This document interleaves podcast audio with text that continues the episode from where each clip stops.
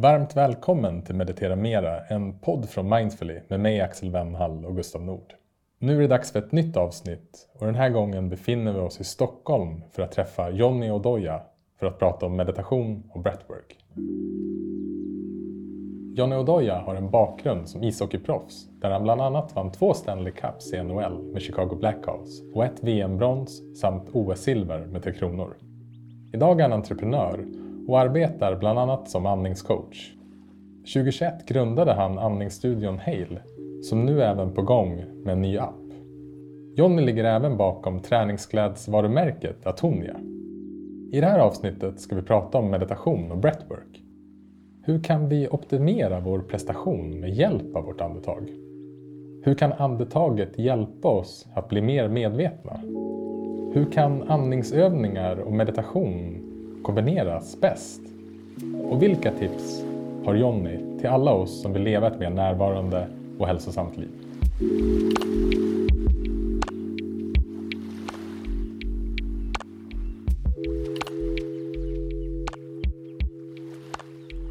Välkommen till Norrsken. Tackar. Det här är ju första gången vi ses. Även om jag har, eh, ja, dels har jag ju följt din hockeykarriär, men också har jag ju följt dig här sen du startade Hale. Så det känns eh, jättekul och inspirerande att få äntligen ses. Kul att vara här. Vi brukar alltid inleda med en kort landningsmeditation. Är det okej okay om jag kör den? Skönt, absolut. Det låter fantastiskt bra. Härligt. Så uh, du och jag, Jonny och Gustav, vi sitter här på varsin stol.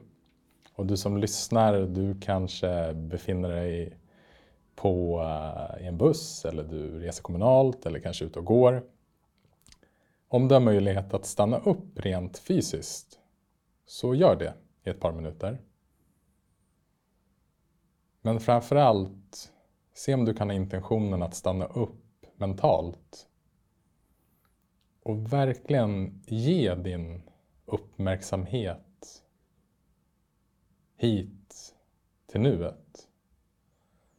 Och jag tänkte att vi bara skulle uppmärksamma vår kropps naturliga andetag en kort stund.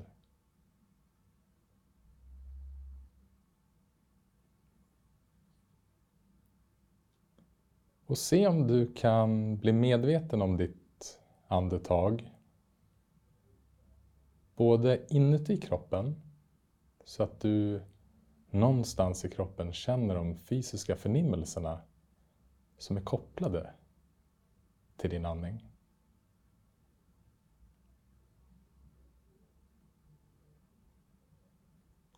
Och samtidigt som du är medveten om andetaget lite utifrån. Så du både känner och observerar andetaget. Och se även om du kan slappna av lite mer så att du tar emot ditt andetag.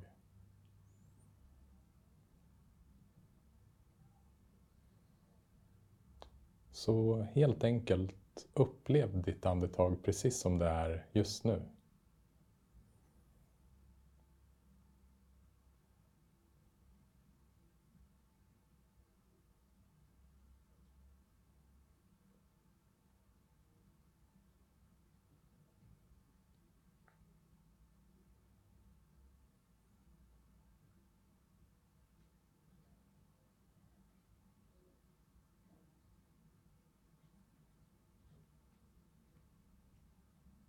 Så kan du bara notera om du har kvar din uppmärksamhet vid andningen.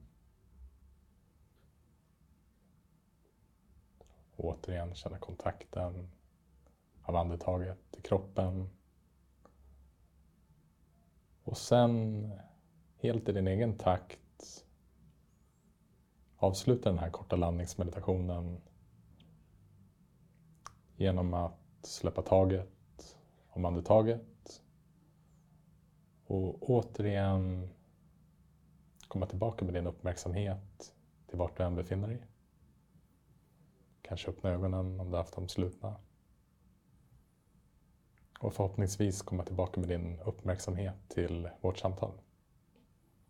Tja! Mm. Spacey. Kört en timme till känner jag. Mm. Tack så mycket. Tack själv. Du, jag tänker, jag är så jäkla hockeyintresserad. Så att det, jag brukar alltid inleda med att fråga gästen, så här, var befann du dig när du upptäckte meditation? Men jag vill, nu när du är här så är jag lite nyfiken på, nu några år efter din hockeykarriär är över, om du blickar tillbaka, vad, vad känner du kring den? Vad, vad är du mest nöjd över och hur, hur ser du på din karriär? Nej, jag känner mig nog otroligt lyckligt lottad, skulle jag säga.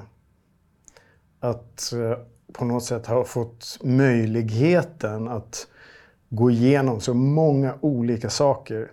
Eh, allting från personlig utveckling till eh, förluster, vinster, eh, kamrater, olika platser, resor. Allting som liksom är kopplat runt runt sporten, alltså så ekonomiska möjligheter, alltså allting egentligen som, som, har, som har varit i relation runt eh, hockeyn för mig är mer än egentligen jag hade kunnat tro att det skulle kunna vara. Alltså jag vet inte riktigt vad man tror för någonting när man är ung, men eh, det skulle jag säga att jag är väldigt, eh, väldigt, väldigt tacksam för. Liksom. Om jag hade fått rita upp liksom en perfekt karriär på något sätt så hade det nog, för mig tror jag nog det hade sett ut precis som det, som det har gjort. Mm. Och du vann ju två Stanley Cups med Chicago Blackhawks. Mm. Skulle du säga att de två händelserna, för det är en lång säsong och ett långt slutspel, var de två liksom crescendot på din karriär när du tänker tillbaka? Ja, så blir det väl alltid på något sätt. Och sen så är det ju det är väl mycket eh, vad ska man säga, negativa saker också som påverkar ens karriär och, och påverkar ens utveckling som man förstår nu också var nödvändigt och det jag kanske har lärt mig ännu mer saker egentligen än när jag vann. Och sen... Eh, ja, det är väl något liksom cocktailen av alla de där eh, tillsammans som gör att det är eh, ja, väldigt fascinerande, häftigt liksom att, att vara med och uppleva. Så att det ena, det ena behövdes kanske för det andra. Mm. För att man skulle få, få den första, eller fulla hela upplevelsen, om man ska säga. Så, så det är jag enormt, enormt tacksam för såklart. Ja.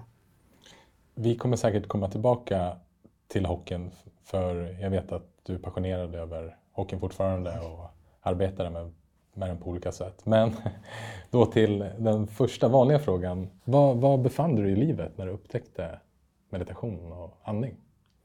Oj, eh, det är två olika steg. Jag började nog med meditation först faktiskt. Mm. Som alla andra. Det fanns väl lite mer tillgängligt eller jag skulle nog säga att det första stället jag började på var nog yoga. Jag var nog en av de första hockeyspelarna som började hålla på med det, som jag vet i varje fall. Och då var det väl mer liksom för flexibilitet och för mobilitet och rörelse och sånt. Det fanns inte så mycket så rörlighetsträning då. Det här är ju ja, nästan 25 år sedan nu tror jag. Så jag ska inte säga att jag fick så mycket liksom, spirituell del av det. Utan det var, det var mest liksom rörelsen runt det. Men jag gillade det väldigt mycket och det funkade väldigt bra. Det kan ju ha andra aspekter runt det också såklart. Så där började det nog. Och sen så började jag läsa mer, började förstå mer runt meditation. Men det tog nog kanske ja, någonstans där 30-årsåldern början på det kanske, där jag började testa lite. Jag hade, jag hade svårt för det i början, väldigt, mm. väldigt svårt. Som jag tror de flesta. Det tar, det tar liksom ett skifte innan, det, innan, innan man kommer in i det. Började egentligen åka på eh, meditation, meditationsretreat och liksom längre retreats efter jag slutade spela.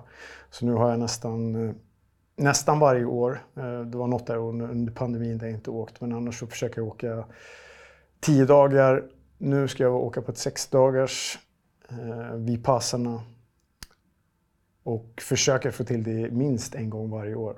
Har det varit Vipassana när du åkte iväg eller varit olika? Nej, det har varit det nästan varje gång. Jag har fastnat för det av någon anledning. Jag började på eh, internationellt eh, vad ska man säga, turisttempel i, eh, i Son Muk i, i Thailand. Mm. Eh, där eh, ja, jag gillade liksom hur de förklarade eller strukturen runt det. Och sen det är ganska fritt, inte super, super strikt liksom så. Utan ett väldigt behagligt ställe skulle jag säga att vara på. Fantastiskt för mig också. Om man gillar sånt så är det ju jätte, jättebra. så det är på fastlandet i Thailand. Sen har de också på, på ön eh, Koh Samui har de också ett, som ett litet syster mini-tempel som är kanske ännu mer turistigt. Och, eh, där jag faktiskt ska åka nu. De är lite kortare också, så sex dagar som man kan vara på. Så det är alltid svårt att få till det där. Hur ska man få tid till sig själv? Det är det största problemet. Liksom. Att kunna ta tio dagar låter för en del låta så här, nej men det är helt omöjligt, det kan jag aldrig mm. göra. Så det började jag med och sen i kombination med det eh, också breathwork egentligen och mycket andningsövningar. Eh, jag testade breathwork tidigare också. Jag skulle säga slutet, de sista två åren kanske under min karriär. Eh, mycket holotropisk andning, vilket är liksom långa, långa cykler. Och Eh, såklart Wim Hof eh, som alla andra. Ehm, testade lite på det också men, men fattade inte riktigt. Det var så här, ah, men nu ska jag ta tid hur länge jag kan hålla andan. Och så här, bara, ja, det var ju coolt. Liksom. Förstod inte... Jag, jag, vet inte om jag inte var mottaglig eller om jag inte liksom förstod eh, vad det var eller om jag behövde mer av det. Men det tog något år, framförallt sen jag slutade, att liksom gå djupare in i det. Och då upplevde jag väl att kontinuerligt jobba med andningen och meditationen under ja, fyra, fem månader säkert eh, och framförallt då sen kom in mycket i, liksom i, an, eller i, i andningen och breathworken. Eh, framförallt de sista månaderna så var det ju... Då hände ju någonting liksom. Eh, och det var då den första var så här, okej okay, men det här är ju enormt mycket power, lite som du beskrev här innan. Att hur är det möjligt att ingen gör det här? Att ingen förstår det här? Det var liksom så här, jag kunde inte...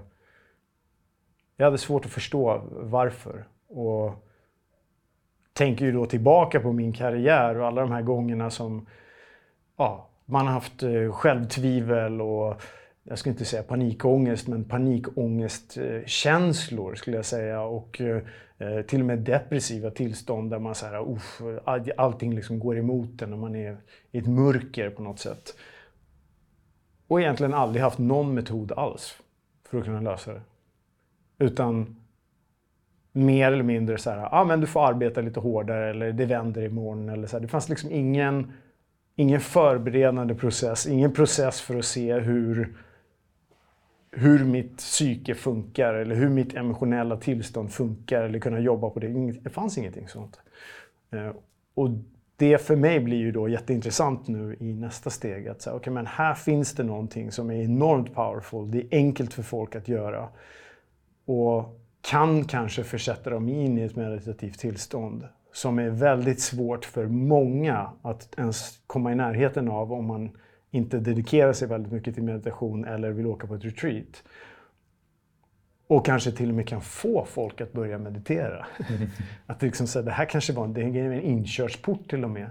Eh, till att förstå att så här, oh, det här tillståndet i mig, det meditativa tillståndet är någonting som är väldigt, väldigt behagligt och bra att vara i. Eh, så det är väl egentligen grunden för det som jag håller på med nu. Att så här, hur, hur kan vi hitta metoder och få fler personer in i den här världen?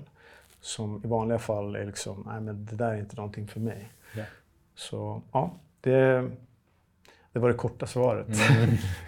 Ja, men jag känner igen, jag kommer ihåg när jag upptäckte meditation och det är såklart att jag var ju väldigt omedveten för det fanns ju massa människor som mediterade men jag var inte i kontakt med dem. Jag kommer ihåg känslan var ungefär som att men liknelsen jag hade var som att jag hade upptäckt löpning och jag var ute och sprang mm. i skogen fem kilometer. Men jag var själv i skogen. Ja. Hallå, vart är ni någonstans? Ja. Mm. Eh, och sen såklart fanns det ju andra människor i skogen. De tog lite andra spår bara, men det är fortfarande ganska tomt i den här skogen. Om jag, om jag blickar tillbaka bandet till när du åkte på retreat, för du var inne på det, att meditation var svårt till en början. Något jag tror de flesta, om inte alla, känner igen sig i. Vad var det som hände? Vad var det som klickade i för dig som gjorde att, som var din aha? jag, jag tror, eh, jag vet inte, nu är det väldigt generellt här, men det jag gillade med Vipassana var att det en del är liksom koncentrationsbaserad och den andra är liksom the insight, att du kan jobba med dig själv i det här tillståndet. Och jag tror att många, när man sätter sig ner första gången och mediterar, så är det så här, det, man, det, det, bara händer massa saker. Det enda man gör är egentligen bara att observera vad som händer. Och det kan man kanske göra, men annars är det bara massa saker som händer liksom, i huvudet. Man, man inser hur mycket, hur mycket saker det är som händer i ens huvud liksom, hela tiden. Eh, och då blir man nästan skrämd av det. Eller så här, från början, för mig är det så bara okej, okay, men vad ska jag göra med det här? Och sen finns det ju självklart att bara göra det finns ju ett enormt värde av. Att liksom bara sitta och acknowledge det hela tiden och ibland kanske ta 15, 20, 30 minuter innan något, alltså okej okay, nu börjar det hända kanske någonting men inte så mycket. Det jag gillade på meditationsretreaten var ju precis som vilken annan fokuserad practice som helst som du gör. Liksom det, från dag till dag eller från pass till pass så bygger de ju på varandra. Och till slut, för mig, det tar ungefär tre dagar för mig. Eh, det går lite fortare nu. Och sen beror det på hur ofta jag gjort det och hur, hur mycket saker jag haft innan. Eh, men det tar ungefär tre dagar. Så efter tre dagar, då är det liksom då börjar hjärnan liksom stänga ner alla de här eh, extra signalerna. Och då kan jag hitta ett annat tillstånd som är väldigt lugnt och behagligt och det är mycket enklare att komma dit också. Eh, och där någonstans klickade det liksom in. Eh, det finns ju ett tillstånd där som de kallar för rapture. Som, som är liksom den här euforiska känslan som kommer egentligen från ingenstans. Och som jag, jag kan inte beskriva, ja den kommer genom breathwork kan man ha också, men annars kan jag inte beskriva den på något annat sätt än Ja, du, du har tagit någonting annat, liksom, vad det än är, som kommer utifrån dig. Men nu uppstår det i dig själv. Och då var jag så här, fan nu förstår jag varför de här munkarna sitter och mediterar hela dagarna. Det här är ju liksom, det här är fantastiskt att du på egen vilja kan uppstå, bara kan ta fram en euforisk känsla ifall du vill göra det. Eh, och sen så kanske inte det är själva målet med, med the practice, men där vart det så här, okej, okay, det här är ju enormt fascinerande. Och sen så var det såklart massa liksom strukturer, framförallt när de förklarar om det. Liksom, så, ja, det är massa olika steg du kan gå igenom såklart när det kommer till vipassana. Eh, och du jobbar på din koncentration och du jobbar på din andning. Eh, och sen efter det så, så kan du liksom ja, du kan utmana dig själv i vissa situationer i själva meditationen där du kan arbeta på dig själv, emotionella tillstånd och eh, ja, Eh, glädje, sorg och kärlek och det kan vara liksom allting. Att du kan exponera det i upplevelsen. Det blir ganska rent och du på något sätt ser hur du kan relatera till det. Så det för mig vart ju så här... Ah, jag tycker det var enormt fascinerande och svårt att förstå hur, hur är det här möjligt? Och hur har, i det här fallet då, hur har liksom Buddha byggt en struktur av det här för, jag vet inte vad det är nu, 2600 år sedan. Och på något sätt liksom kan lära ut ett system som du kan gå igenom och gå igenom massa upplevelser av egentligen vad jag upplever som personlig utveckling egentligen i ett meditativt tillstånd. Där egentligen ingen annan är och du upplever liksom en hel värld. Alltså jag tyckte det var så fascinerande så det liknar ingenting. Alltså liknelsen som jag har ibland när, när jag försöker beskriva den här världen nu är jag ju till viss del introvert person och jag gillar liksom mitt eget psyke. Så det är en annan sak också. Att bara få laborera med sig själv är ju sjukt fascinerande för mig. Men jag, jag brukar likna det med att om, om, jag sitter hemma i soffan liksom, och någon som aldrig har mediterat inte, men liksom, vad, vad, vad, är, hur, vad, vad, är det jag får ut av det här? Eller så här, hur kan jag liksom... Jag kommer liksom ingenstans. Eller något så här, och, och bara, okej, okay, du kanske behöver ett retreat eller lite längre tid. Men, men jag sitter hemma i soffan och så liksom, då kan jag gå ut i ytterdörren. Och så kan jag öppna upp, jag kan ta på mig mina kläder, gå ut. Och så i världen så liksom har du ju hela världen utanför på något sätt. Du kan åka överallt, du kan prata med folk, du kan göra, uppleva liksom allting som går att uppleva. Och så tänker du att du sitter i soffan och så liksom har du bokhyllan framför dig. Och så går du där och så trycker du på den här boken, där, klipp, och så öppnas den. Och så bakom den är en hel värld. Och den världen är ännu större och ännu mera berikande och du kan göra exakt alla samma saker. Du kan resa liksom ohämmat till massa olika typer av platser. Du kan träffa alla typer av personer, du kan leva alla typer av liv, alla typer av upplevelser. Alltså det finns liksom ingen begränsning. Det är någon typ av drömvärld, men du kan liksom navigera i den. Och det är det jag upplever. Så att då blir det som från början, är det bara, okay, men nu förstår jag varför man vill sitta i meditation i tio timmar. Alltså det för mig blir nu så här, men det är såklart jag kan göra det. För att det, den världen är mer riktig än potentiellt kanske den världen som är utanför min vanliga dörr. Liksom. Mm. Det där tycker jag är, alltså för mig att när jag förklarar eller försöker förklara det för någon så och speciellt någon som inte är van att meditera. Så blir det så här, aha okej, okay. ja men det låter ju ganska intressant. Bara så här, fan hur kan man testa det liksom? Och sen så krävde det lite practice såklart för att man kanske ska kunna komma dit. Men, men eh, den inre världen är ju fascinerande. Alltså. Otroligt, otroligt fascinerande. Och vi lever ju oftast i den yttre världen hela tiden. Liksom. Och där tid och rum liksom totalt kan försvinna på ett helt annat sätt. Och det märker vi i breathworken också. Eh, och det gillar jag andningen mycket. Att folk får möjligheten att kanske täppa in i det här tillståndet som majoriteten av folk aldrig har varit i och förstår ingenting av. Eh, och där tror jag det finns mycket läkande, mycket insikt, mycket alla saker. Liksom, precis som ni vet inom meditationen. Ja. Jag vill komma in mera på andningen och, och även du har varit inne lite grann på det, liksom kombinationen med andning kontra meditation. Men det fanns några saker där som du, som du sa som jag ville följa upp, som jag tyckte var intressanta. Och jag tror att när man börjar meditera så är introduktionen så himla viktig, att man förstår vad det handlar om. Och om man åker på ett retreat, ett passande retreat, så jag menar, för många människor så låter ju det som en mardröm.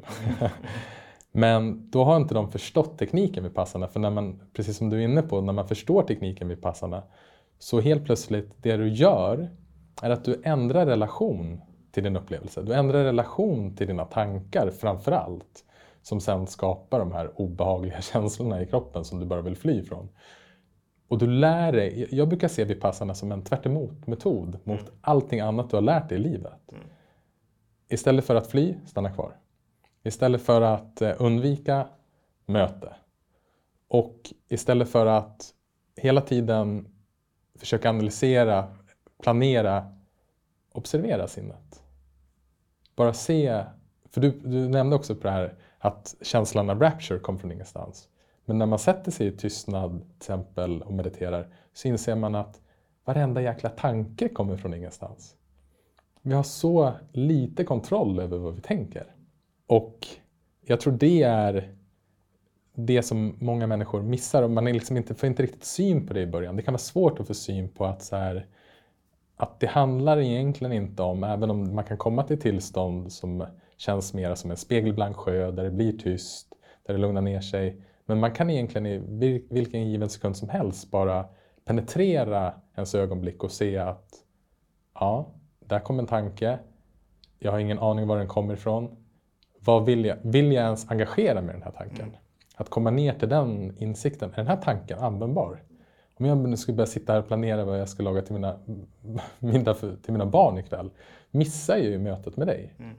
Och i hela den, liksom, att lära sig lära känna sig själv, det tycker jag också är en fin definition av meditation. Mm. Lär känna dig själv. Mm. Om du vill förstå dig själv, sätt dig ner och observera. Mm. Och bara se vad som händer. Mm.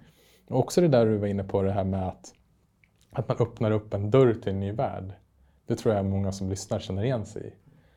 Men, och du, du var också inne på det där att det här med drömvärld kontra... För mig så är det som att när jag kommer i kontakt med det här och när jag kommer i kontakt med närvaron och medvetenheten som inte är färgad av mina tankar, då känns det som att jag äntligen lever i verkligheten. 100 procent. Och jag, finns, jag kommer inte ihåg vem det är som har sagt det, men att lyx, det är att uppleva verkligheten. 100 procent. Och sen kunna också föra in det i världen så man inte... För, för där tror jag att vi två är lika och det tror jag många som lyssnar på den här podden att istället för att sitta kvar på det här retreatet 10 timmar i 20 år, ut och lev. Mm.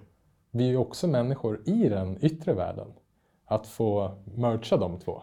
Mm.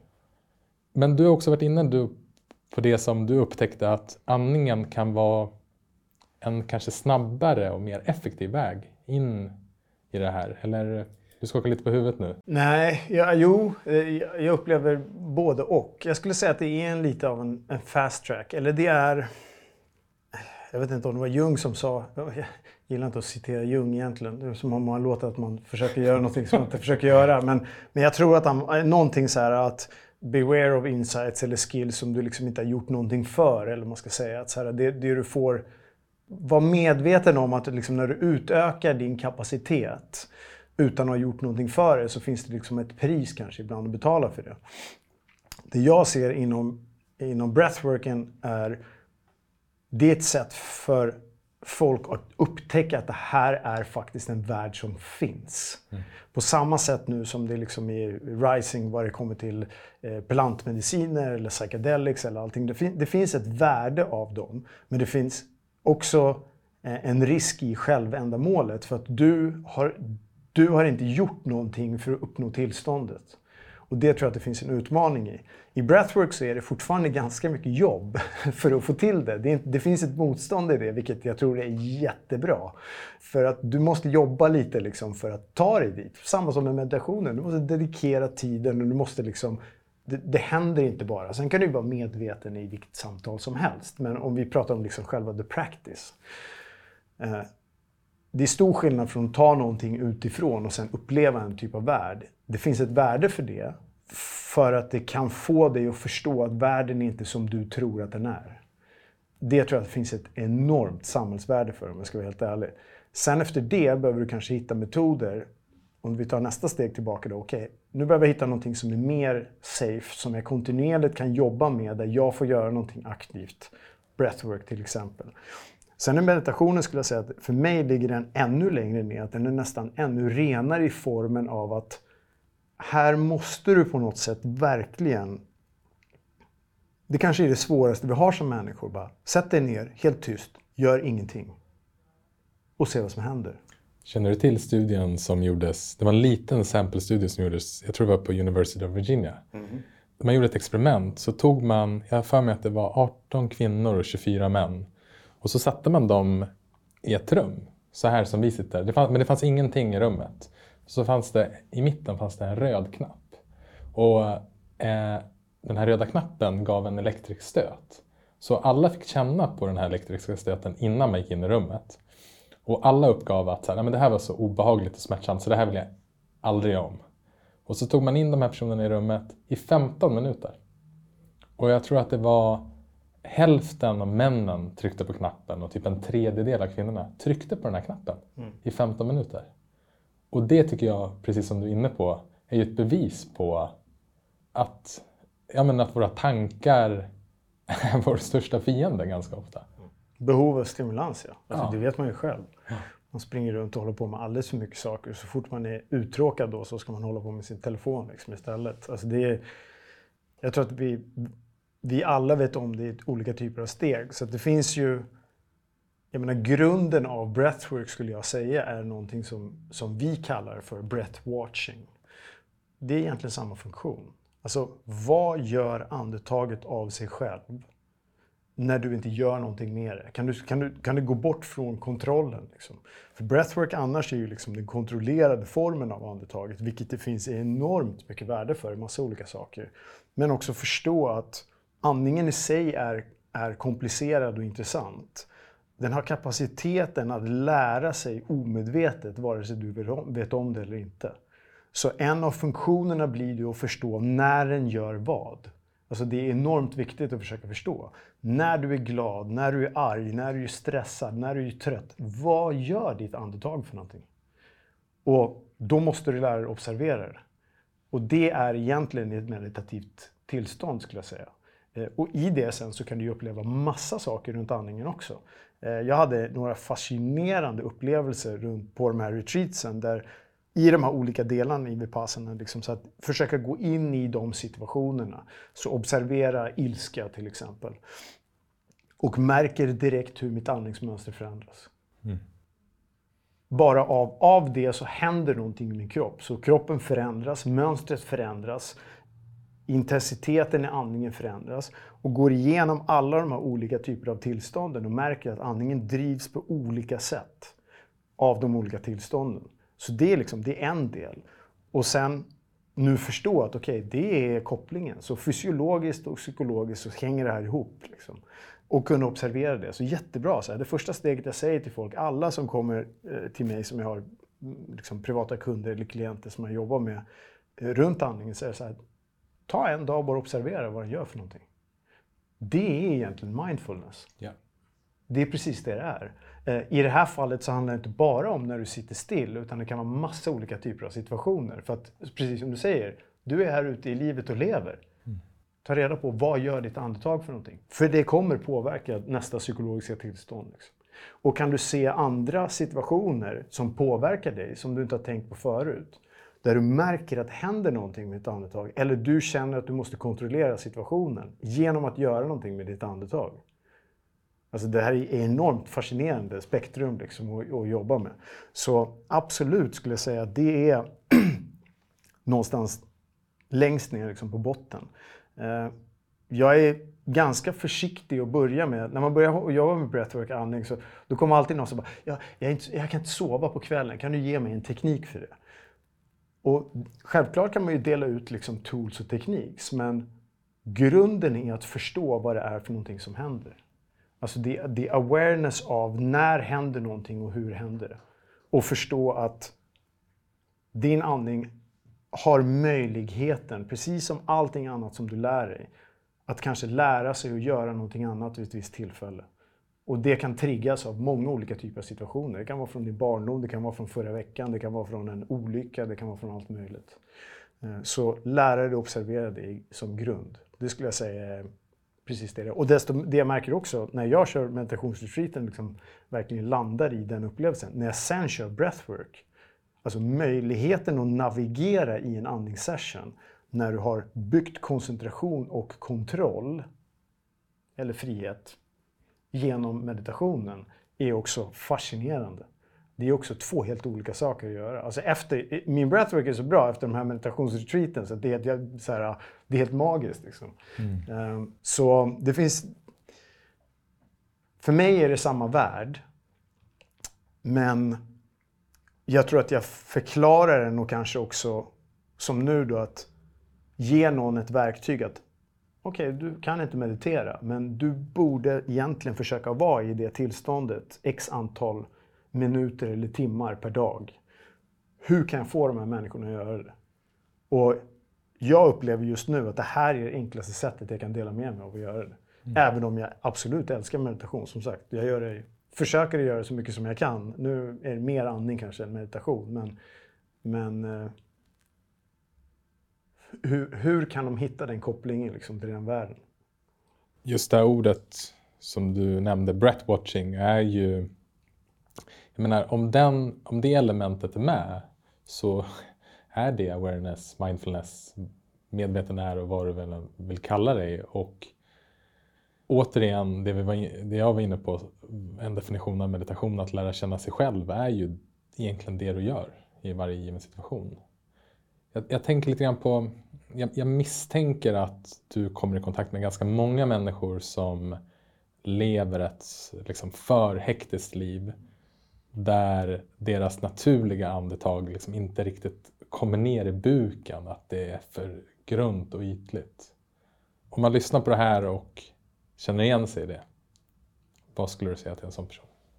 Ja, men då, då skulle jag nog säga samma sak som jag sa tidigare. Alltså det, det, finns ju en, det finns en mekanisk del. Eh, det finns liksom en psykologisk del. Och de där två på något sätt hänger ju liksom ihop. Och att börja med att bara observera, ta en dag, bara kolla. Vad händer i massa olika situationer? Utan att försöka kontrollera någonting. Utan bara kolla, vad, vad händer för någonting? Bara observera det. Jag hade en kompis till mig som jobbade i kök förut, som stod alltid liksom så här och när han, han, gjorde olika saker i köket och så kollade han om andningen förändrades. Liksom så här, är det annorlunda om jag diskar? Är det annorlunda om jag skär? Är det annorlunda om jag rör? Är det annorlunda liksom så här, bara, bara för att det var kul. Jag tyckte att det var en rolig sån liksom, observation. Och bara så här, kolla vad, vad andetaget gör för någonting. Eh, så det är en sak. Och sen så kan man ju jobba på de här eh, mekaniska delarna helt klart. Om man känner så här, ah, men jag kommer inte riktigt ner med mitt andetag.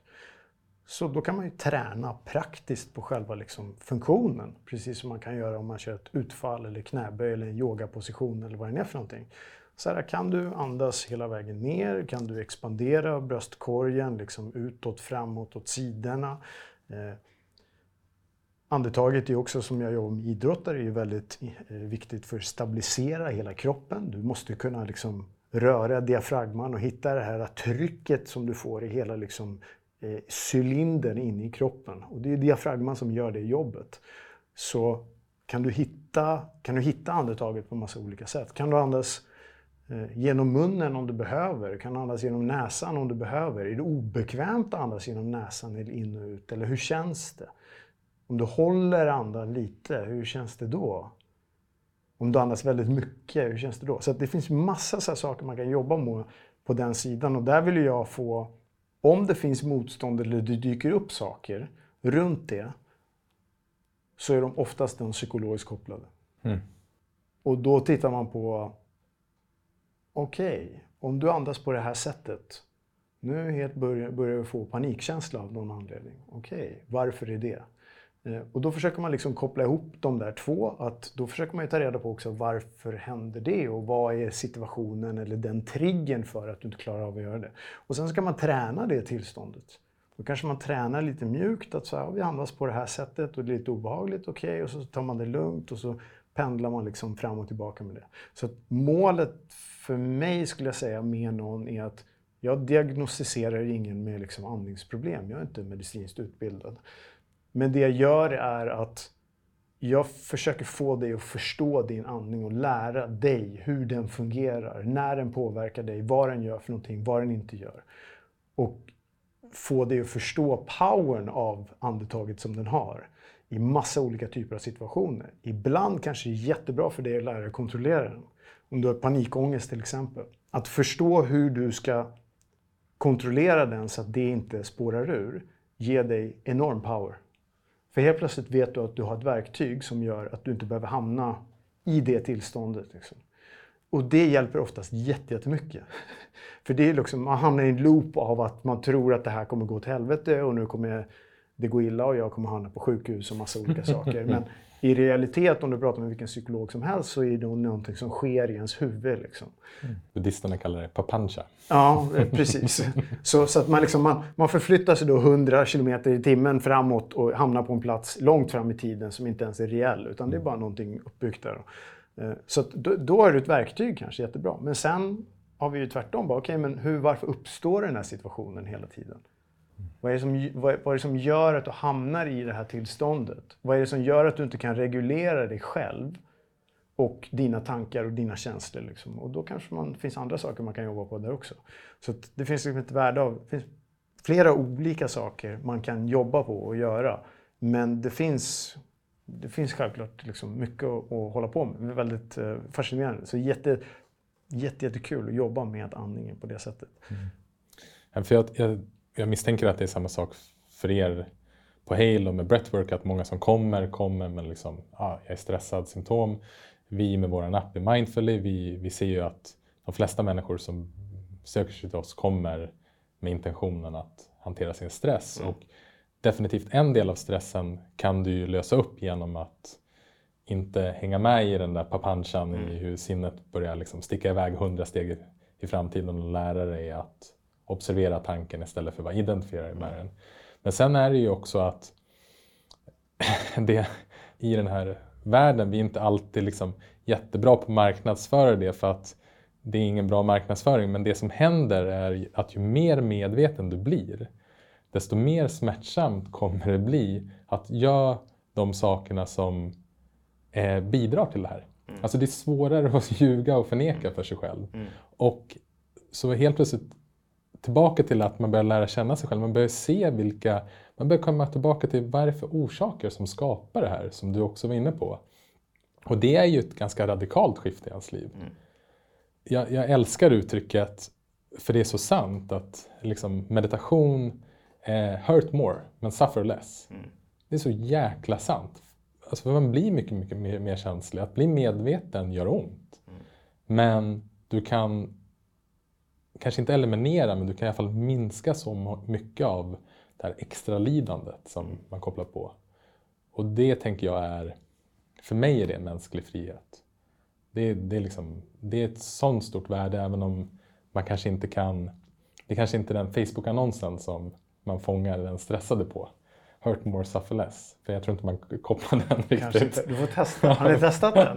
Nej, vi får göra det. Vi får testa sen. För det jag blir medveten om, och det låter ju verkligen som i hur du coachar eller hur ni coachar, hur du ser på breathwork, att verkligen att koppla andetaget hela tiden till att bli mer medveten. Mm. Ja, vad är det som händer här? Okej, okay, hur andningen, hur påverkar den hur jag mår? Vad, hur är mitt andetag här nu? Är ju att det är först när vi blir medvetna som vi kan få ett val att göra annorlunda. Och se hur ofta vi är omedvetna också. Gå på autopilot. Och det, där, det där tycker jag är så fascinerande och gör mig så ödmjuk. Jag har mediterat, jag har liksom dedikerat mitt liv till det här de senaste sju, åtta åren. Jag är så omedveten fortfarande. Mm. Men jag, jag, också tycker det är spännande. Jag är nyfiken, jag vill lära mig mera. Mm. Så att det blir också som ett skifte i ens mindset. att Tidigare så var, jag pratade om det här med tvärt metoderna. Tidigare var det liksom när jobbigare grejer kom så här, nej, nej, nej, jag vill inte se det här. Och nu är det så här, yes, mm. nu får jag en chans att vara med det. För det tänker jag också är det, det som verkligen skiftade för mig sen var när jag insåg att meditation handlar inte om vad jag upplever.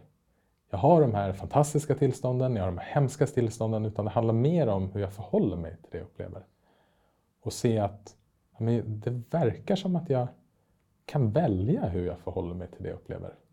Att jag kan skifta in i det här mera öppna, tillåtande, nyfikna bevittnandet. Mm. Och när jag gör det, då... Jag har lite svårt att använda det ordet, men jag kan inte hitta ett bättre. Då är det också någon form av kärlek i det. Absolut. Jag tror att konceptet är svårt och det är därför jag, jag gillar de här jag vet inte om man ska kalla det ett altered state of consciousness, men, men någonting sånt där kan man någon gång få någon att liksom upptäcka och förstå det eller, eller förstå att det finns någonting där så tror jag att det finns, det finns ganska mycket vunnet. För att helt då, alltså då konversationen blir, den blir annorlunda. Yes. Det, det blir mycket enklare. Det är svårt, upplever jag i varje fall, att ha en, ett, ett samtal med någon på riktigt om den personen upplever att det sättet de ser världen på och det som sker i deras huvud är det som är sant. Liksom. Mm. Alltså det är helt omöjligt. Jag vet inte hur man har den konversationen. Eh, det betyder inte att vi inte... På något sätt lever vi alla i vår e-, egen illusion. Och det kan vara väldigt skrämmande kanske. Eh, och för mig, jag upplever precis som du säger att det ger mig frihet snarare än någonting annat. Att säga, gud vad skönt. Allt det här som uppstår i mitt huvud, det är bara någonting som ploppar upp. Det, är så här, det, det behöver inte ens ha någonting med mig att göra. Och sen kan man välja att se det som, okej okay, men det där kanske jag borde ta tag i. Eller, ja men vet du vad, det här, det här är inte ens jag. Det var någonting annat. Eller jag vet inte vad det är för någonting. Men det skapar mycket möjligheter, upplever jag. Istället för att tro att eh, jag menar, på något sätt världen är liksom utanför dig och du kan inte, du kan inte, du kan inte förhålla dig till det som sker. Eh, precis som du beskrev. Mm. Och jag vet inte, det är för mig bara grunden av det, insikten av alla de här sakerna. Jag känner mig inget mer upplyst än vad jag gjorde för tio år sedan egentligen. Det är som du säger, det finns bara mer saker att jobba på nu än tidigare. Det blir nästan värre hela tiden. Men förhållandet till det det är det som har förändrats. Ja. Och det är det jag tycker är så jävla skönt. Ja. Att jag känner inte den här... Oh, jag måste... Jag vet inte. Allting måste förändras och jag måste göra det och jag måste bli det. Och så, så det, det, finns inte på samma sätt. Eh, och det tycker jag är jäkligt, jäkligt skönt. Alltså. Mm. Och sen så drivs ju jag ändå av eh, säkert ego och massa andra saker som jag håller på med nu ändå. Men min förhållande, förhållande till det, eller förhållande till mig själv, är annorlunda, helt klart. Mm. Ja, men vi är många som delar upplevelsen av att vakna upp. Också, jag gillar liknelsen att vakna upp är att det är liksom en nykterhetsgrej. Mm. Alltså man, man, man, blir mer nykter. För man tror inte längre på alla fantasier. Men också att det är lite ensamt. På det sättet att i början så när man vaknar upp så ens de, liksom, flesta i ens omgivning är inte där. Och som du var inne på det här med att det är väldigt svårt att ha ett närvarande samtal med, med människor som inte har upplevt det som man själv har upplevt. Och jag tror att det är därför, det jag misstänker att det är därför att till exempel då att Buddha och även andra andliga traditioner har lagt så stor tonvikt vid eh, gemenskapen. Att kunna ha vänner som man kan ja, men, resa med i livet tillsammans. Så att man kan bolla de här grejerna. Har det förändrats för dig sen du slutade spela hockey och mera fokuserat, dedikerat ditt liv till breathwork och meditation? Ja, det är ju ganska markant två olika världar. Vilket jag tycker är fascinerande i sig. Jag skulle säga att den, den gamla världen, alltså inom sporten, där är på något sätt, framförallt inom hockeyn då, som, som vi pratade om tidigare, finns det ju en, en väldigt traditionell struktur. Och den behöver du göra vissa saker för att passa in i. Så enkelt är det. Eh, om du ska lyckas i den världen så måste du bli det. Det är, liksom, det är som att vara det är som att vara politiker. Liksom. Eh, alla gnäller på politikerna, men det finns strukturen runt Strukturen runt det politiska systemet är byggt på ett visst sätt. Och ska du lyckas i den världen så måste du vara politiker. Och sen så kan ju det se ut på massa olika sätt. Nu har ju kanske Trump då eh, totalt liksom havererat hela systemet. Men, men eh, det finns väl olika taktiker då kanske. Men på ett sätt nu är han ändå, nu är han politiker. Alltså, han kan inte komma runt det. Och så är det vid hockeyvärlden också. Och det är på gott och ont. Jag tror att det sker inom alla olika ställen överallt. Liksom. Men det gör att du limiterar ju olika delar av dig själv. Så vissa delar kommer du suppressa eh, och andra delar kommer du utveckla. Och samma sak där, jag ser det som en liksom, naturlig del. Eh, jag hade ett samtal med min gamla tränare faktiskt häromdagen på en podd om just det här att när det kommer till identitet. Liksom, mm. Att vem är du liksom egentligen? Och för många unga hockeyspelare så är det väldigt svårt att förstå det här. Och spe speciellt sen när du slutar spela och du är identifierat med någonting under väldigt lång tid. Du har ingen aning om vem du är, egentligen. Det har aldrig varit en utmaning för mig för att jag har hållit på nu x antal år med det där. Började ju ja, kanske i 30-årsåldern i varje fall. Så under min slutet på min karriär så har jag, liksom, jag hållit på och grävt i det här, eller vad man ska säga. Förstår mer och mer vem jag är, upplever jag, även om det finns jättemycket kvar. Så, så den övergången har varit ganska enkel för mig. Det har inte varit något problem alls egentligen. Vilket jag vet många spelare har en problem, ett problem med, liksom den här identiteten. Att du är på något sätt liksom en, en, en skådespelare. Och för den rollen så krävs vissa saker. Men alla skådespelare som du träffar på stan, så är, de kommer ju inte bete sig likadant som de gjorde när du såg dem på tv-skärmen. Liksom, eller på bion. Och samma sak är det här också. Sen nu då när man kommer ur den världen så kan man observera den utifrån. Nu har gått nästan fem år och ser att wow, jag var riktigt bra på att spela skådespel. Liksom. Fantastiskt bra. Utvecklat enormt mycket olika typer av kapaciteter som är värdefullt för mig men också värdefullt för andra människor nu, hoppas jag. Liksom. Så då kan man liksom försöka att välja saker av det. Men märker ju nu också att shit, det finns ju ungefär 50 procent av mig kvar som jag nu kan utveckla istället, vilket är enormt kul. Som inte var exponerat för världen tidigare. Och det finns egentligen ingen limitering, vilket jag tycker är fantastiskt. Alltså jag kan välja att göra nästan vad jag vill utan någon struktur. Och jag kan utforska det och utveckla mig själv på massa olika typer av områden. Och det är ju jättekul då om man har ett sånt här typ av eh, liksom företag eller verksamhet eller man ska säga, som, som Haley, eller organism nästan. att det finns ju enormt mycket utvecklingspotential för mig. Alltså jag måste ju på något sätt bli någonting annat i den här utvecklingen. Och vara väldigt medveten om, nu exponeras ju massa saker i mig som liksom har varit gömda, som jag kunnat gömt tidigare. Och nu exponeras de. Och det tycker jag är helt fantastiskt bra. Och kunna liksom vara medveten och försöka se det för vad det är och kanske inte så hård judgment för mig själv heller. Och i det hittar man ju nya personer som då är kanske på en liknande typ av plats som man själv är.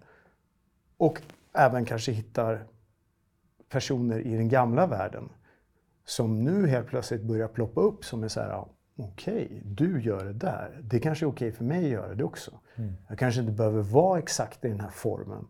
Det kanske går att göra någonting annat. Och, så det finns liksom båda av de aspekterna är, är fascinerande. Att jag kan kanske utmana den här gamla världen och liksom, ja, nu kan vi börja och kanske tänka lite annorlunda. Och utveckla mig själv i det nya. Så Haley är ju för mig på något sätt också. Om man ska ta liksom den egoistiska delen i, mm. i det. Även om det, jag tror att det finns stort värde för andra också. Mm. Så ja. Mm, jag, tänkte, för jag tänkte fråga det.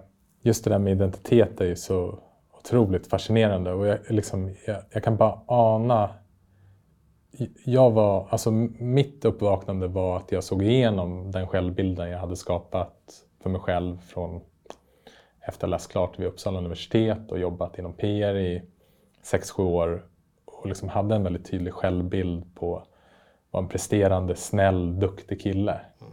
Och um, vi var inne på ordet frihet och det var ju precis det det var när jag såg igenom det. För att jag var inte längre begränsad av den här delpersonlighetens roll. Jag tänker, men att vara hockeyproffs och ha så mycket bekräftelse och beundran och press på sig under en så lång period. Jag menar, hur länge var du hockeyproffs? Över 15 år eller? Ja, näst, ja. Jag menar, det, någonting sånt. Ja. det, det är en lång period hur man formas i ens vuxna liv. Så att den självbilden måste vara enormt liksom, svår att se igenom för vissa som inte har upptäckt det här. Du var lite grann inne på det, för jag var lite nyfiken. Är det, är det människor, gamla kollegor eller hockeyspelare som hör av sig till dig när de hör dig och ser dig och på något sätt att du stakar ut en liten annan väg? Mm, ja, absolut. Det, det händer ju. Eh, sådana konversationer finns helt klart. Och framförallt kanske en del lite yngre spelare som kanske kan identifiera sig lite annorlunda med det. Mm. Generellt skulle jag nog säga nej. Ja. Men jag tror också att det här, sånt här kommer liksom mer och mer. Och det som är intressant är när du, när du är atlet så det tar slut en dag. Liksom. Och vare sig du vill eller inte kommer du bli tvungen att och, liksom, ridån går ner och lamporna är slut och det är ingen som ringer till dig sen. Hur mycket jag än tror det. Men det är inte så många som är intresserade sen. Och en del tycker att det är jätte, jätteskönt och de spenderar tid med sin familj och, liksom så här, och det är ju fantastiskt bra. Eh, och en del tappar nog lite det där uh, liksom sense of self och vem de är och hur de nu relaterar till världen. Eh, många hör ju också att det är så här, oh, bara med, om jag bara kunde få spela liksom en match till på elitnivå. Liksom så här, man är kvar i det förgångna på något sätt. Och det kan väl vara liksom coolt och romantiskt också till viss del. Men eh, utmaningen där är att kanske ta sig vidare. Och, och en del då som hamnar i, i större problem för att det finns inget... Man har inte strukturen kvar. Man har inget liksom, så sense of purpose alls kanske. Man har svårt att förstå vem man är, sina egna känslor, hur man upplever världen. We all will face it. Mm. Vare sig man vill eller inte. Det spelar ingen roll om du kommer meditera eller inte. Du kommer få hantera det ändå. Så ja. är bara välja, eller är bara så här, ja, hitta ett sätt att hantera det eller inte. inte. Mm. Om vi istället vänder oss mot den yngre generationen. Vad skulle du önska att alla rookies, alltså för de som inte är så insatta i hockey, så rookies är väl de som gör sitt debutår i NHL till exempel. Eh, vad, vad skulle du önska att alla rookies skulle få lära sig? Eh, jag, var, jag har spelat i Chicago länge, så jag var där på Rookie Camp faktiskt i år, eller Development Camp, som de har på sommaren där de tar in de senaste två eller tre årens draftade spelare då, som de väljer varje år. Och eh, jag var faktiskt där, jag hoppas att jag får komma dit nästa år också, det var ganska roligt. Och eh, jobba med en del andningsövningar och liksom prata om förståelsen runt det här att eh, det här är verktyg som ni kan använda om ni behöver. Men jag tror att egentligen man behöver börja ännu tidigare än det. Jag tror att man skulle kunna börja någonstans säkert 10-12 års åldern och börja utforska det här. Jag vet att en del skolor nu börjar kanske jobba lite med meditation. Det vet ni kanske mer än mig. Men mm. att, att den... börja liksom exponera för förstå att det här finns och att det här är potentiella verktyg man kan använda. Istället för att kanske gå till någonting annat. Och jag är, faktiskt, jag är fortfarande fascinerad av att vi inte har kommit längre ändå. Av vad jag ser så är det enorma behov för ungdomar att hitta verktyg att komma ur sitt eget huvud. Och det är väldigt, väldigt, väldigt få. Det, det, är nästan bara, det jag ser majoriteten av är typ fysisk aktivitet. Att mer eller mindre så här, gå och träna tre timmar, nu är det helt slut och sen bra hem, ät, gå och lägg och sov. Liksom. Och sen så finns det prestation runt det. Och hur ska du hantera den prestationen? Liksom. Mm. Och där ser jag väldigt få verktyg också. Jag ska inte säga majoriteten av de requesten jag får från föräldrar, men det är fler föräldrar som frågar mig nu om det kanske är för att jag är i den världen och branschen som jag är i också. Men jag upplever ändå att jag har kompetens inom hockeyn. Och det de frågar mig är inte om skills eller vad de ska göra, eller, utan det är att mitt barn kan inte hantera sin situation. Och jag vet inte hur jag ska hjälpa dem. Hur, hur, ska, hur ska det gå till? Liksom? Och det är de som kontaktar mig. Då kan du tänka dig hur stor mörkertalet är runt det. Alltså det är liksom, I varenda lag är det ju Alltså bara inom hockey, om du har 20 spelare så är det 5, 6, 7, 8, kanske 10 stycken som lider av den här problematiken. Och jag tror inte att det spelar någon roll om du är på botten, höll jag på att säga, att jag får inte vara med och lära dig hantera det, för det är någonting du kommer behöva hantera. Eller om du är på toppen, att jag är bäst, jag måste hantera den här pressen. Alltså det är lite samma typ av utmaning. Att vad har vi för verktyg nu som är billiga, enkla, som alla kan använda sig av och lära sig för att kunna hantera sin egen situation? Jag pratade om det samma, på samma sätt också i min gamla tränare i hans podd också. att Det är inte bara för ungdomarna. Utan det gäller också föräldrarna. Och det gäller också de vuxna. Om du som vuxen inte kan hantera din situation. När saker, alltså ditt emotionella tillstånd eller dina tankar eller allting som sker om du har en idé av att det som sker på något sätt är någonting som du inte kan, inte du kan, du, eller du kan hantera eller relatera till eller se på ett annat sätt. Liksom det, det du beskrev tidigare, att du kan göra det här valet på något sätt. Om du upplever att det inte går, att du blir liksom hijackad hela tiden. När det händer någonting i ditt barns liv, hur tror du att den emotionella relationen ska bli då dels till ditt barn, men hur ska de kunna lära sig och förstå vad de ska göra för någonting?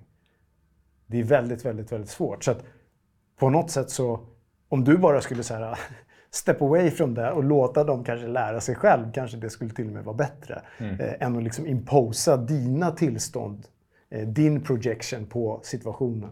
Vad det nu kan vara för någonting. Det är ju klassiskt så här, du har en tvååring som ramlar och, och börjar grina och sen får du panik då, liksom att jorden går under ja då kommer ju det inprintas. Eller så här, okej, okay, ja det är jättebra, ställ dig upp och så fortsätter gå. Vi vet redan om det här. Men det är på något sätt att det slutar med det. Utan det är den situationen vi vet. Och sen den lär vi oss hantera. Men sen alla steg efter det upp till liksom 18 års ålder, gone. Då är plötsligt, det, har, du har ingenting som vuxen med den situationen att göra då. Utan det är någonting som händer ditt barn. Det här tycker jag är enormt fascinerande att försöka lista ut. Speciellt när det kommer till idrottsvärlden. Väldigt, väldigt, väldigt, väldigt intressant. Så hur tränar man vuxna att förstå sig själv och i sin tur ger kontrollen till barnen sen istället och ger dem verktyg. Här har du lite små verktyg. Okej, okay. du känner så här och så här. Bra. Hur ska du hantera det? Här har du några verktyg. Och du är stabil i den situationen. Alltså jag ser ingen annan väg framåt. Mm. En sak som har blivit väldigt tydlig för mig är um jag vet inte om du upplevt det, det är lite snarlikt till det du berättar nu, är när människor, när jag berättat om att jag åkt på retreater, så ganska ofta så får jag höra det där borde min man göra. ja, precis. Jag tänker att det är lite samma sak som så här, ja. ja mina barn behöver det här. Exakt. Men Exakt. speglingen blir ju där, vad är det jag behöver? Exakt. Och, hur, och men jag tyckte också det fanns något väldigt hoppfullt i det du sa för att tänk att få göra den, den resan tillsammans mm. som familj. Alltså wow! Förstå hur man kan växa samman, vilken fin relation man kan få. Och om man bägge två kan få de här verktygen. Det finns hur mycket, alltså du åker på, du bokar och åker en vecka till, jag vet inte, till Thailand, säga. Och du gör den upplevelsen med, med dina barn och skapar en viss connection. Alla är avslappnade, har en trevlig tid, det är en bra gemenskap, gör allting. Det är en vecka per år. Jag tror att den funktionen är exakt likadan, det du beskriver nu. Alltså det finns många saker du kan göra Men då måste ju du själv sätta den strukturen i ditt vardagsliv. Om inte du kan hantera ditt vardagsliv, varför skulle någon annan i din familj kunna göra det då? Eller som du sa nu, bara, ah, min man skulle behöva lösa det där. Och det är där någonstans jag tror att om vi liksom, nu, nu är vi inne på något helt annat kanske. Nu är vi inne på någon typ av samhällsstrukturs omarrangemang. Liksom. Men vi har gått nu från en liksom låst arbetsplats till en remote arbetsplats. Jag tror eh, att arbetsplatserna nu liksom kommer börja förändras mer och mer. Vi kommer integrera mer av sådana här saker. För det kommer vara ohållbart för personer att kunna göra sitt jobb. Jag tror också att den yngre generationen kommer ha helt andra typer av krav på hur de här arbetsplatserna ser ut. Vad är det som finns tillgängligt? Ja, ah, ni är i ett meditationsrum. Nej, men det är inte aktuellt för mig att jobba hos er då. Alltså, de här sakerna kommer växa mer och mer. Jag tror att också att det finns möjlighet att integrera arbete med sånt här. Varför kan du inte ha träning eller meditation eller breathwork eller i retreatform med företag och sen arbeta samtidigt? Varför kan du inte ta din familj och åka iväg? I, alltså, jag tror att allt det här kommer liksom behöva börja flyta ihop på ett helt annat sätt än vad det är strukturerat idag. För att den här liksom work-life balance, jag vet inte ens om det ens finns någonting som, som, som heter det, men jag, men jag tror att autonomiteten, att du, du på något sätt kan hitta strukturer, hjälpa familjer med hur ser en sån här struktur ut? För en familj som vill arbeta med meditation eller för breathwork. Eller träning eller vad det nu är för någonting. Eller mat eller vad det är. Jag tror att vi är väldigt, väldigt, vi är fortfarande i en väldigt gammal klassisk struktur där samhällstempot och stressnivån är liksom inte gjord för det. Den, den, vi, vi har någonstans en struktur som är 1800-tals eh, fabrik, eh, liksom klassiskt gammalt organiserat, eh, jag vet inte, Medan världen nu börjar se helt annorlunda ut. Liksom. Och hur ska vi bli flexibla i det? Och vilka verktyg kan man ha? Mm. Det är typ det jag ser framför mig. Och då tror jag att allt det här måste bli liksom... Det måste bli integrerat på ett annat sätt. Ja. Nej, men eh, det känns hoppfullt när du, när du berättar. Jag tycker att det finns, um, det finns otroligt spännande vägar framåt men också som du är inne på att om, om hela samhällsstrukturen är byggd på ett sätt så är det väldigt svårt att... Liksom, eller så här, det är väldigt lätt att sugas tillbaka in mm. i det. Så vi behöver också de strukturella förändringarna mm. för att stötta, stötta det här skiftet. Det är Absolut. helt uppenbart. Absolut. Jag tänkte också lite grann på det här med, eh, för att knyta an tillbaka till, till de här unga hockeyspelarna eller de gamla hockeyspelarna, vilket egentligen är applicerbart för alla människor oavsett om man spelar hockey eller inte. Att, jag har liksom skrivit ner en fråga som, är, som var baserad på typ så prestation. Okay, men om man nu skulle börja eh, spela hockey och vara på sitt rookieår så börjar man med breathwork och meditation. Att hur det skulle kunna bidra till ens prestationer. Och, och jag, jag, tänker att det är ganska självklart utifrån att så här, om man tänker tillbaka på kanske sina bästa prestationer eller sina bästa stunder i livet så var man närvarande. Och när man troligtvis inte spelade lika bra eller man mådde skit så var man inte närvarande. Så där, men, men jag tänker att, jag vill höra dina tankar här, det som jag tänker är kanske det stora, stora värdet av att få in de här sakerna är inte bara hur du ska skapa fler medgångar i din karriär eller ditt liv, utan hur du sen kan hantera de oundvikliga motgångarna. 150 procent. Det, det, är det som är, det är det som är framgången, skulle jag säga. Mm. Det är precis det som är framgången. Om jag bara kollar tillbaka på mig själv också. När du är i någonting som är extremt jobbigt så är det extremt jobbigt. Det passerar alltid. Alltså det, det, liksom, det är ofrånkomligt. När du är i någonting som är extremt kul och fantastiskt, så det passerar också. Alltså varje gång är det samma process. Och till slut så listar du ut att så här, Ja, du har en dålig match. Absolut. Men det kommer en ny match. Det är en fantastiskt bra grej när du spelar NHL, för där är det 82 matcher. Så det är så här, när du har spelat en eller två säsonger, då listar du ut så här bara Okej, okay, men jag kan inte ens knappt fundera på det som hände. Jag funderar det på den här kvällen och sen så får jag släppa det. Liksom. Och vad kan jag lära mig av det? Och det är ju en ganska naturlig process. Liksom. Så Vad behöver du för metoder och verktyg för att kunna göra den funktionen ännu bättre? Att kontinuerligt kunna observera, se vad det är som händer. Du kan bedöma dig själv på en plats av liksom compassion. Att säga, okej, okay, du var inte jättebra idag. Det är liksom så här att du vill vara bättre nästa gång.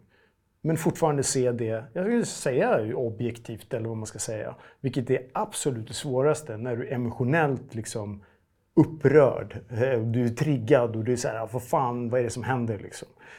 Det betyder inte att du inte kan bli förbannad, du kan väl bli förbannad ändå. Men förstår du vad som händer och är det konstruktivt och ibland så kanske du inte har kontroll över det, men flesta gångerna kanske du har det. Och fortsätta observera det hela tiden och utveckla liksom den, the, the skill of det.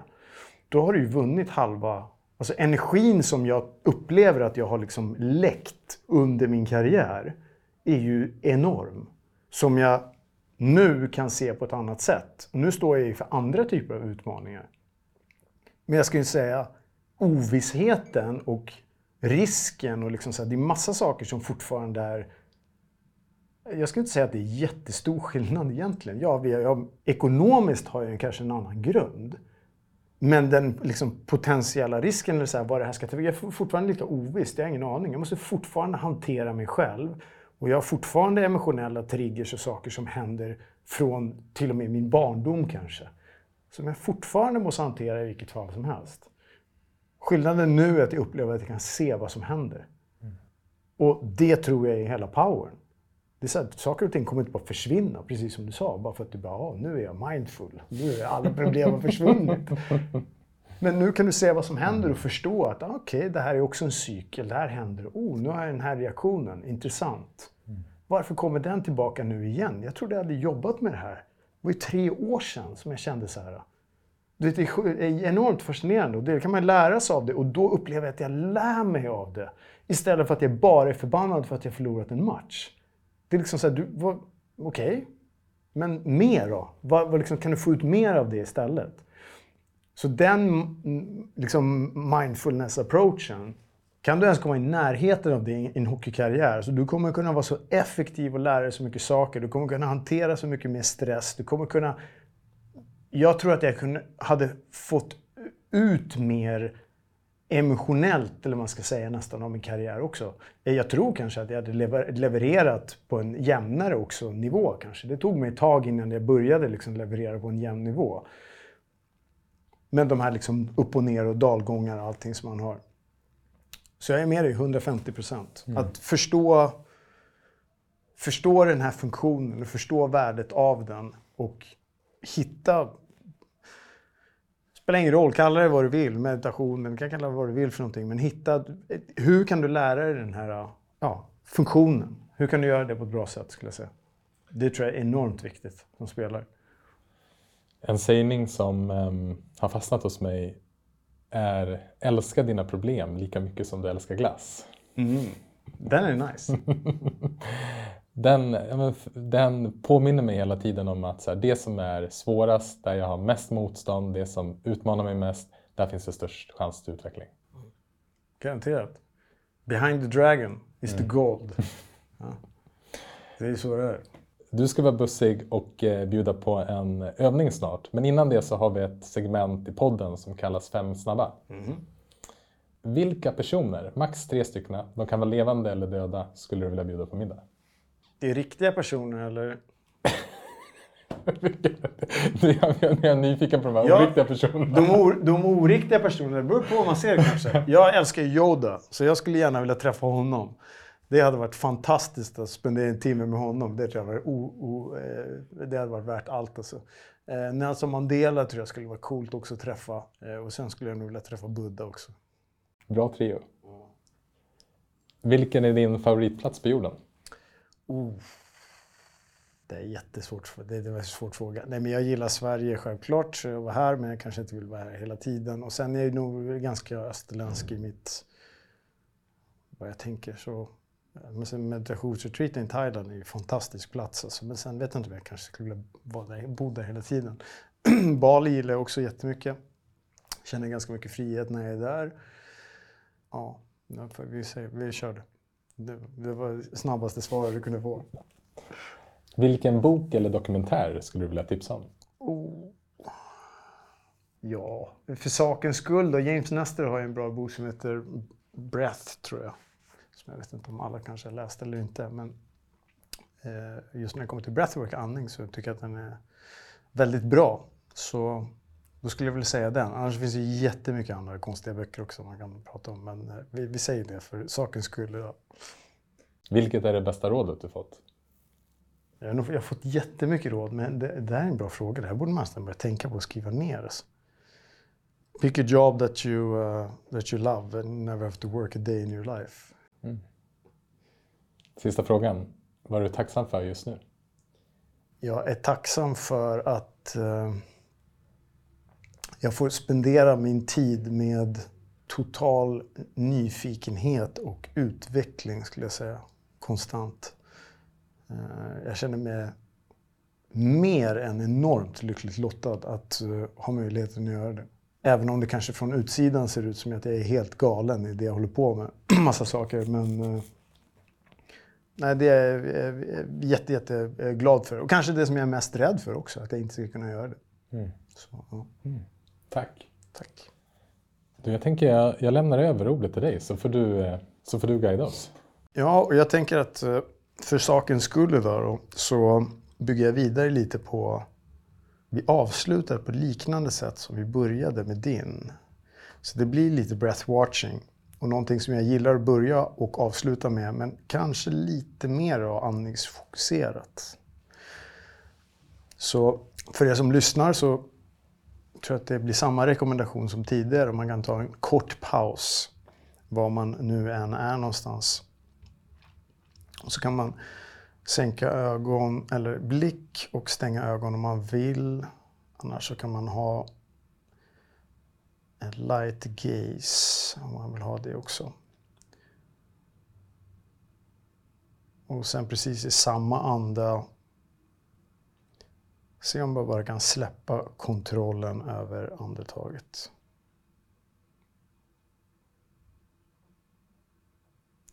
Och ibland blir det lite som en negation. Det blir svårt att göra någonting som man inte får göra. Så det man kan göra istället är att se om ni kan bli andetaget. Så se om du kan bli andetaget mer än vad du faktiskt andas.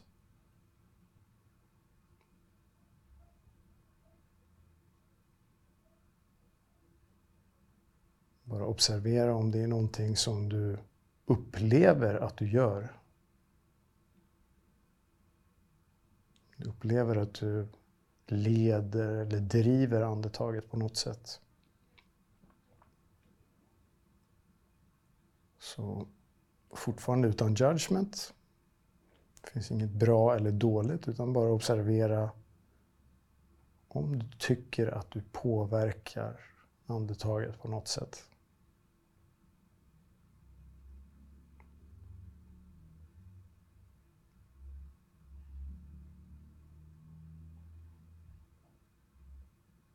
Bara notera hur det känns när du kliver bort från kontroll. Känns det behagligt, obehagligt, svårt, lätt?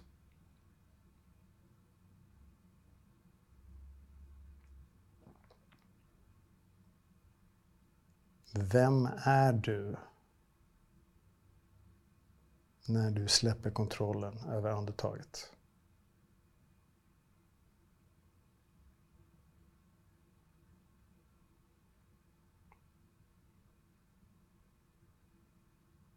Så kan du se nu om du följer andetaget på vägen ut. Om du kan observera andningsreflexen. Så den här lilla, lilla sekunden eller millisekunden precis innan nästa andetag kommer.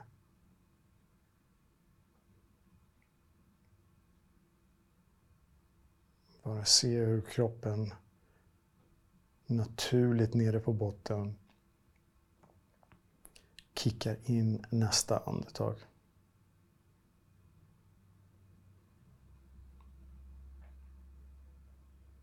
Så kan du känna att du verkligen fullt ut låter andetaget andas klart. Utan att du behöver ta kontroll och ta nästa andetag, utan bara naturligt låter kroppens reflex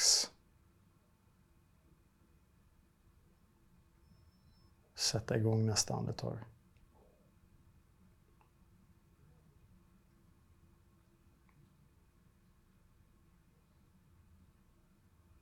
Och på samma sätt sen på toppen toppen på inandetaget.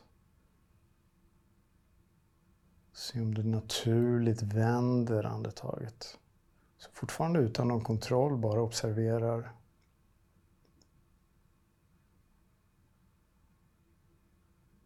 Du kan notera om du känner att du vill ta kontroll eller hålla på toppen av inandetaget.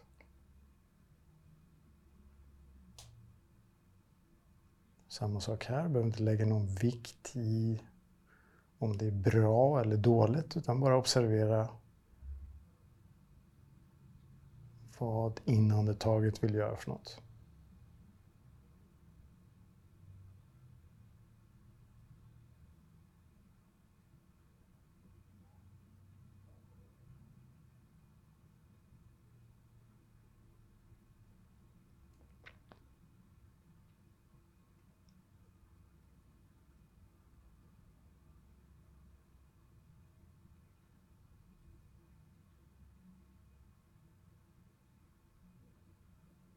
Kan observera hjärtats slag i kombination med andetaget.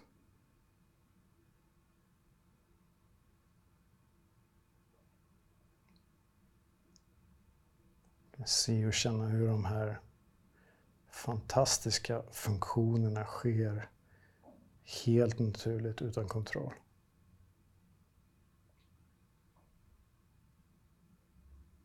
Kanske skänka en tanke av uppskattning.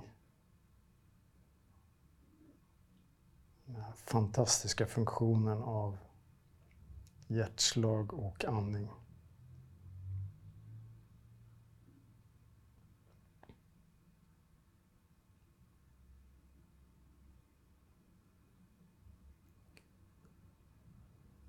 Och sen med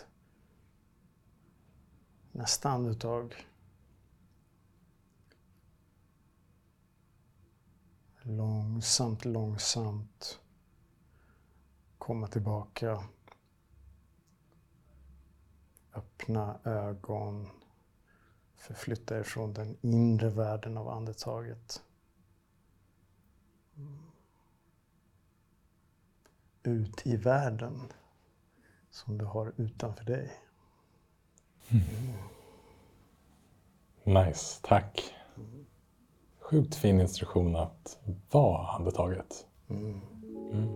Det är någonting som skiftar. Mm. Det har varit ett nöje att träffa dig. Detsamma. Tusen tack för att du var med. Stort tack att du fick komma hit. Tack för att du har lyssnat på det här avsnittet av Meditera Mera från Mindfully med Jonny Odoja. Vi hoppas att du har blivit inspirerad av vårt samtal och av Johnnys meditation. Om du vill komma i kontakt med honom så hittar du hans kontaktuppgifter på vår hemsida mindfully.nu. Och är det något vi tagit med oss från vårt samtal med Jonny är att framgång är att kunna hantera våra motgångar. Ta hand om dig så hörs vi snart igen.